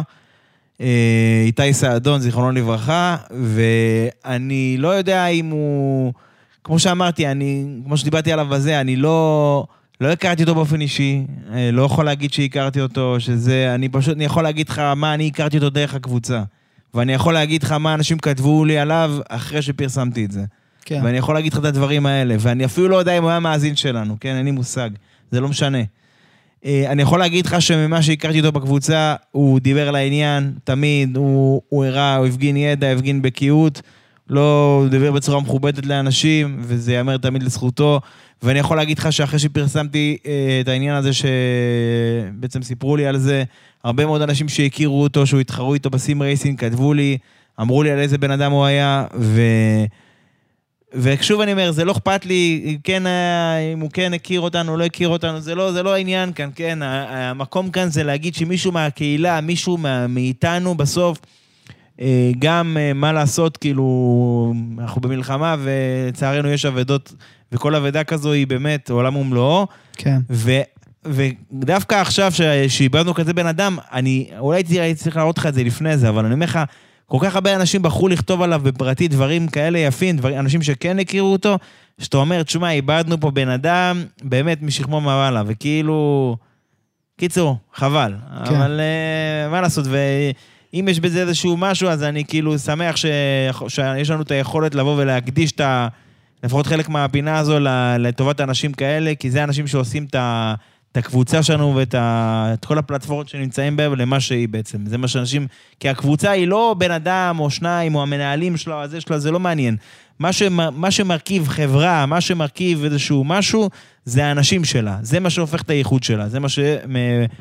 ובמקרה של קבוצה, ברור שהתכנים קשורים וזה, אבל בסוף מי שכותב את התכנים האלה זה עדיין אנשים. יש בוטים, יש זה, אבל זה עדיין אנשים. והאנשים הם אלה שמרכיבים את הקבוצה, וזה בדיוק האנשים האלה שהפכו את הקבוצה הזאת למה שהיא.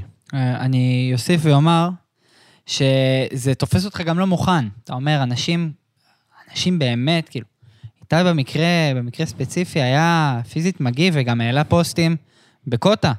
העלה פוסטים לקבוצה בקוטה, ואתה אומר, יואו, איזה דבר זה. כאילו, בן אדם אה, שבוע לפני פור... ראה פורמולה 1, היה איתנו, ו... כן. פשוט אה, סיטואציה מאוד מאוד מורכבת. כן. אה, מאוד מאוד מורכבת. זה, זה בסוף, כמו שאמרת, כי הקהילה שלנו, זה שאנחנו ביחד, זה, זה הופך את הדבר הזה למיוחד, חזק יותר, ו, ו, ואין מה לעשות, צריך להתחבר לסיטואציה הזאת וגם לנסות אה, למצוא את המקום הזה, כמו שאנחנו בפודקאסט, ומנסים לשלב גם את הקושי הכל כך גדול הזה, ביחד עם המקום והאהבה שלנו לתחום ש... שבעצם אנחנו מקדישים לו גם את הזמן כאן בפודקאסט. כן, אז כן, אז באמת אני מקווה שלא, שוב, באמת, מקווה שלא נצטרך לשמוע בשורות כאלה יותר, ו... אבל אה, יחד עם זאת, כאילו, אני באמת שמח ש... אם אפשר להגיד את זה ככה, שאלה הם האנשים שמרכיבים את, ה... את הקבוצות שלנו. וזהו, ובואו אולי נעשה באיזשהו מעבר אחד אה, לפינה אה, הקבועה שאנחנו לא כל כך מוותרים עליה, שזה הטוב הרע והמכוער, לא משנה מתי, גם אם תהיה מלחמה גרעינית, אנחנו לא נוותר עליה. אין סיכוי, חייבים לתת הטוב הרע והמכוער. גם בפרקים לא קשורים אנחנו מכניסים אותה. אז בוא, אולי דווקא, אולי דווקא בניגוד לזה, בוא נתחיל מהטוב. בוא נתחיל ממה מה היה טוב, ותגיד לי, ואחרי זה אני אגיד לך את שלי. הטוב, הטוב מבחינתי זה היה מאוד פשוט, אוקיי?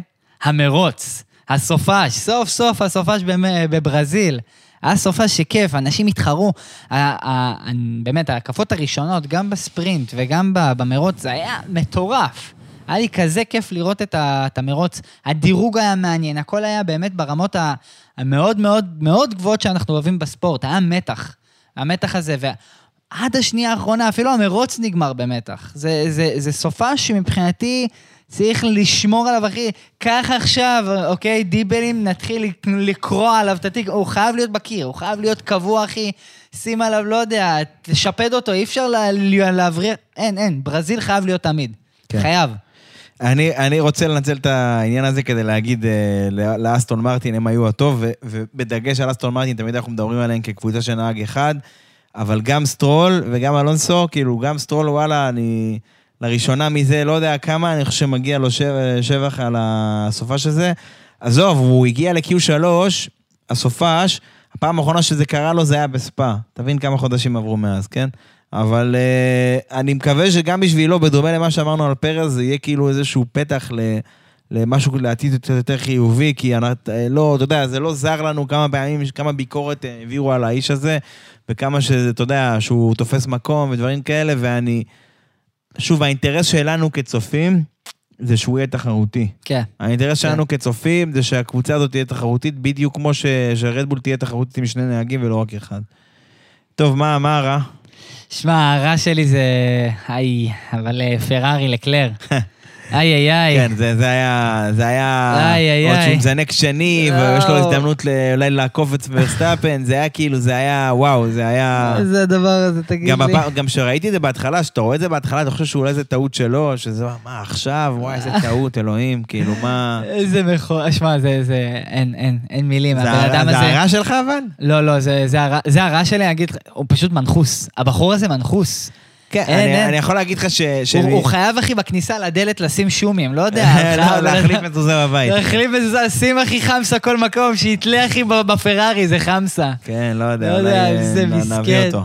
שמע, אה, אני בשבילי, הרע, כבר אמרתי את זה במידה מסוימת, זה שני דברים. הבימוי שלא היה טוב, והעניין הזה של פיאסטרי וריקרדו, זה... ההחלטות שמקבלים חייבות לשים את העניין התחרותי, אה, אנחנו רוצים לראות מרוצים, בראש סדר היום. זה המסקנה. אה, מה המכוער? וואו, מכוער זה הטייס המתאבד אוקון. זה היה... אה, כן, כן, כן. עוד פעם, אני אישית חשבתי שזו הייתה אשמתו של אוקון, השופטים החליטו שזה גם וגם, כי אלונסו לא השאיר מספיק מקום, אוקון איבד שליטה, לא משנה. כן. עזוב, אוקון לא- אוקון לא לקח את זה טוב, לדעתי. מה זה הדבר הזה, תגיד לי, לא הוא פשוט... זה, לא- לא אהבתי את זה, לא אהבתי את זה, אני אגיד לך למה. קורה, סבבה, קורה, כן. אבל לא אהבתי את התגובה שלו, גם שנייה אחרי שזה קרה, אבל זה אין לי ביקורת אליו, כי אנשים, אתה יודע, בלהט הרגע מתעצבנים, אומרים מה שיוצא להם, כן. ונהגי מרוצים בכלל, זה אימא של התירוצים, אבל אה, אני לא אהבתי את זה שאחר כך הוא לא הכיר בזה שהוא לא איבד שליטה. עכשיו, ראו שאיבד את השליטה, זה היה ברור מהזווית הכי, הכי בסיסית, הכי בסיסית של, של ה... זה היה ברור שאיבד את השליטה. ו, וכאילו, אתה יודע, זה לא להכיר ב... באשמה. כאילו, כן, זה מעצבן, זה מעצבן. בטח. אבל... אה, בגלל כן. זה זה מכוער, חד משמעית. דרך אגב, בטוב אני רוצה להוסיף איזשהו משהו שלא דיברנו עליו. וואו, כאילו- וואו, יש- יש סקופ בעלילה, מה, יש עוד לא, טוב. לא, לא, אין פה טוויסטים, אין. המצלמה הדינמית הזאת, אתה זוכר שדיברנו עליה בסוזוקה עם המילטון, ואחר כך היא חזרה לזה, אז היא- הפעם הייתה עם אלונסו כמו שהייתה במקסיקו, כן. וזה היה כיף לראות אותה, כי בברזיל, בניגוד למקסיקו, יש גם שינויי גובה קצת. כאילו, גם במקסיקו יש, אבל לא עד כדי כך. אז נחמד לראות את השינויי גובה האלה בפ- בפנייה האחת, ובאסים, וכל הדברים האלה.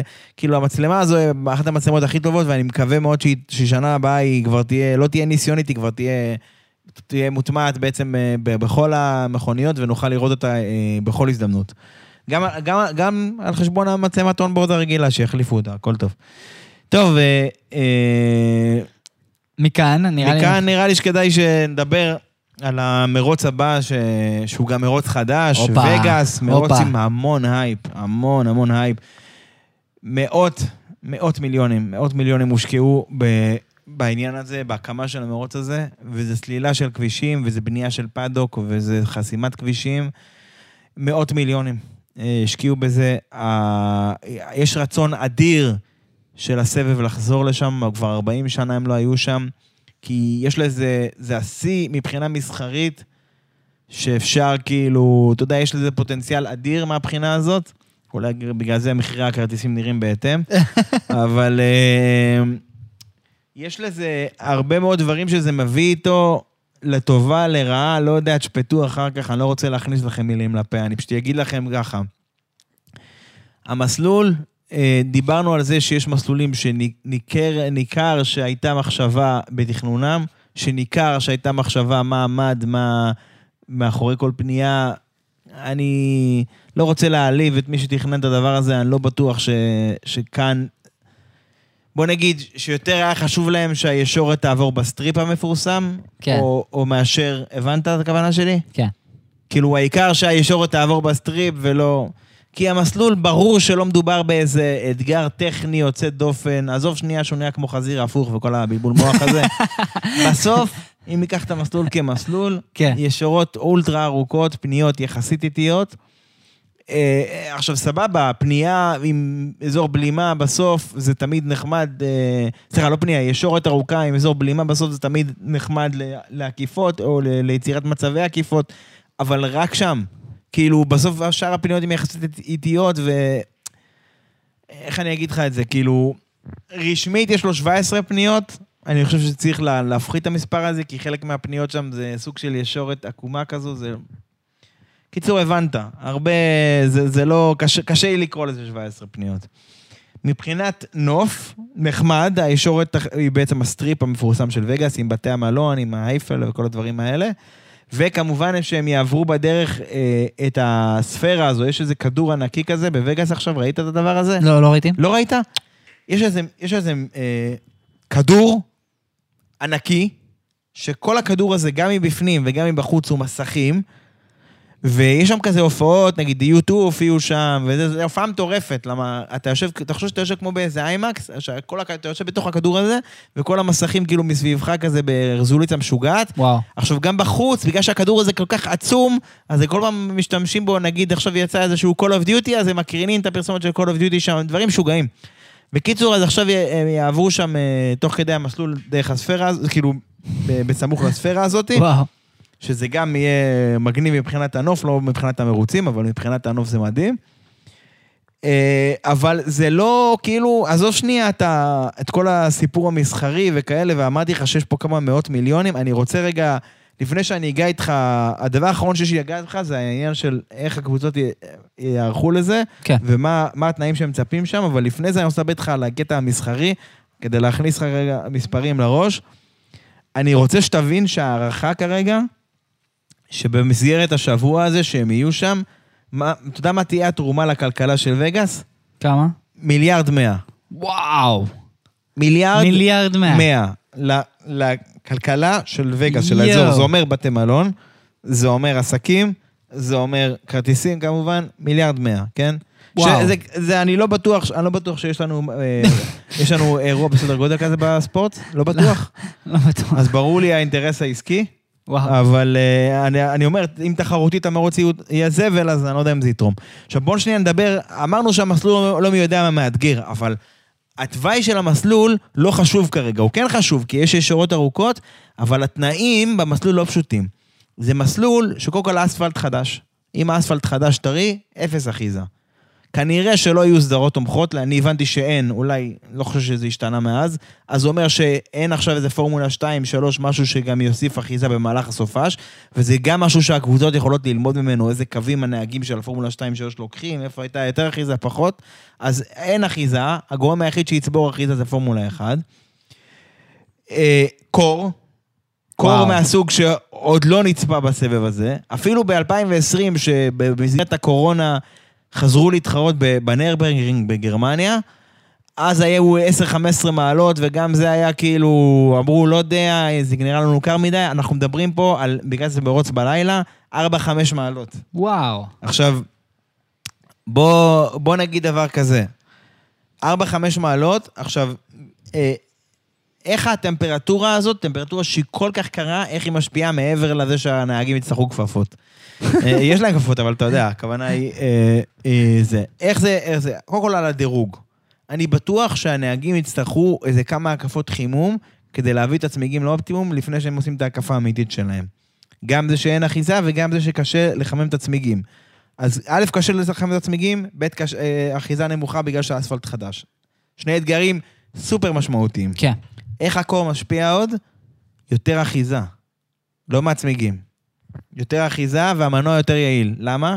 כי בפירוש, שברגע שהטמפרטורה יורדת, צפיפות האוויר היא גדלה. ואם צפיפות האוויר גדלה, בניגוד מוחלט למקסיקו, סימן שיש יותר הצמדה, סימן שהמנוע עובד בצורה יותר יעילה, סימן שהקירור יותר יעיל, הוא לא צריך כל כך הרבה קירור, אז אפשר לסגור את רוב הפתחים במכונית, אבל אם יש יותר הצמדה, זה אומר שיש גם יותר גרר, יותר התנגדות אוויר. ואם יש ישורת של כמעט שני קילומטר, זה אומר שקבוצות כמו אסטון מרטין, מקלרן במידה מסוימת, מרצדס בטוח, הם יסבלו במרכאות יותר מאשר הם היו סובלות במסלול אחר. זאת אומרת, העניין של הישורת הזאת זה סיפור, כי בסוף אתה רוצה הצמדה לפניות האיטיות, כדי לצלוח אותן כמה שיותר, אה, בצורה יותר טובה, אבל אז תגיד אתה, לא יודע, אתה עובר את הפניות ואתה מגיע לישורת של כמעט שני קילומטר, אז מישהו עוקף אותך. אז כל השניים, שלוש עשיריות שהוא איבד בשבילך ב... בחלקים האיטיים, הוא עוקף אותך בישורת, ואין לך איך, לחז... אין, איך, אין לך איך לעקוף אותו בחזרה. אתה מבין? כי אתה לא תגיע אליו, כאילו, אלא אם כן. כן הוא עושה איזושהי טעות או זה, אז... זה יהיה מעניין לראות את המשחק של הקבוצות, בטח אני מניח שקבוצה כמו וויליאמס יכולה להיות סופר חזקה שם, פרארי סופר חזקה שם, רדבול אין שאלה בכלל, נו, הם סופר יעילים, אתה יודע, זה לא, זה לא סוד, אני כאילו... אבל שוב, כל העניין הזה של ההצמדה, מה שאמרנו זה, זה, זה טוב וזה נחמד, אבל השאלה היא, העניין של הצמיגים. כאילו, אם נגיד אתה הולך לגמרי על top speed, אתה רוצה כאילו להיות מהיר בישורת, אבל חלש ב... בסקטורים האיטיים. אם אתה לא מצליח לחמם את הצמיגים שלך בכלל, אם אתה לא מצליח, ואני מדבר כאילו באופן כללי, באופן כללי, אז, אז, זה, לא, אז זה לא שווה את זה. אתה מבין? אז כאילו, יכול להיות ש, שאפילו קבוצות ש, שהן יודעות שהן חלשות בישורת, עדיף להן, הם, מה זה עדיף להן? לא תהיה להן ברירה, או יכול להיות שזה יהיה תקף לכל הקבוצות, נראה מה יהיו התנאים שם, לא תהיה להן ברירה אלא לפגוע בדבר הזה, כי הן יהיו חייבות טיפה הצמדה כדי לחמם את הצמיגים שלהם, כדי שהצמיגים בכלל יתפקדו. כי אנחנו יודעים, אני אומר לך שגם לפני שלוש שנים, בגרמניה, שהיה את העשר מעלות האלה, כבר אז אמרו שזה הגבול התחתון שהפירלי יודעים לעבוד בהם. אז כאילו, עכשיו לא יודע מה לקרוא לזה, אני לא יודע אם הם שינו את המבנה מאז או לא, אבל קודם כל, אני יודע שכן בעצם.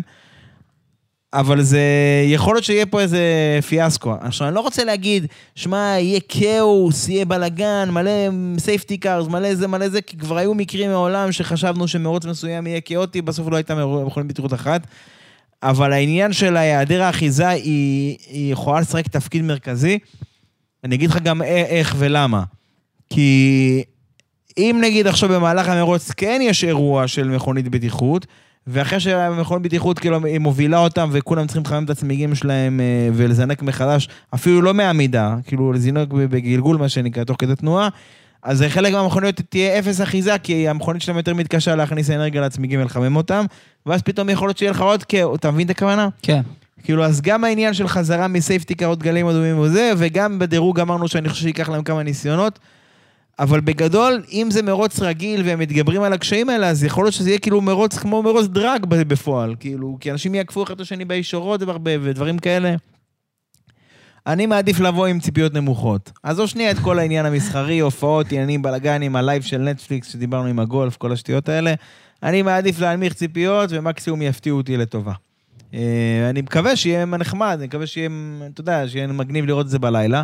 מזכיר שזה מרוץ לילה אומנם, וזה בארצות הברית אומנם, אבל זה בצד השני של ארצות הברית. וזה אומר שאצלנו זה ביום ראשון בבוקר. באיזה שמונה או משהו כזה, כאילו שמונה בבוקר ביום ראשון, כמו במרוצים באוסטרליה או משהו כזה. בוא, בוא נעשה סדר, כי בעצם המרוץ עצמו הוא ביום שבת ב- בלאס וגאס, אז בעצם... בלילה. מתי האימון הראשון? לא, בשישי. בשישי. כן, אני, לא זוכר אם האימון הראשון הוא בבוקר או, בערב, לא משנה, זה, זה לא הסיפור, זה... אתה יודע מה, אני יכול לבדוק לך, אני יכול לבדוק לך עכשיו מה שאומרים ב... בלייב. האימון הוא ב... בשש וחצי בבוקר ביום שישי. וואו, שש וחצי. כן, האימון השני בעשר הבוקר, האימון השלישי בשש וחצי הבוקר בשבת, הדירוג אה, בעשר, בבוקר, כן, וה... כן. והמרוץ הוא בשמונה בבוקר בראשון. אה, אצלם. כן. הבנתי. אז בוא נגיד ש... לא, שמונה בבוקר ראשון אצלנו. אצלנו, הבנתי. כן, אז בוא נגיד, אני, השעות שהקראתי עכשיו זה שעות שלנו, לא שלנו, שלהם. כן, הבנתי. זה, הם לא עושים בשש וחצי הבוקר שם, זה יוצא שש וח- שש וחצי בבוקר אצלנו. כן, אני מבין, אבל בגדול זה בעצם מה שהם עושים, הם עושים יום שבת, בבוקר שלהם הם יעשו את הדירוג. לא, שבת בלילה. שבת בלילה הם אה, יעשו את הדירוג. שנייה. הדירוג הוא שבת. שבת. וה- והמרוץ גם בשבת. בדיוק. בגלל הם זה... אז- שניהם באותו יום. אבל ה- ה- יש הפרש ביניהם, כאילו הדירוג בשבת בבוקר במרכאות, והמרוץ בשבת בלילה. הבנתי. לא משנה, וואו. זה לא- זה לא הסיפור. הסיפור הוא ש... זה קרה בעבר, משהו כזה, שבעצם הדירוג והמרוץ היו באותו יום? אני לא, לא זוכר להגיד לך בשלוף כרגע, אני בטוח ש... כן, בטח שקרה.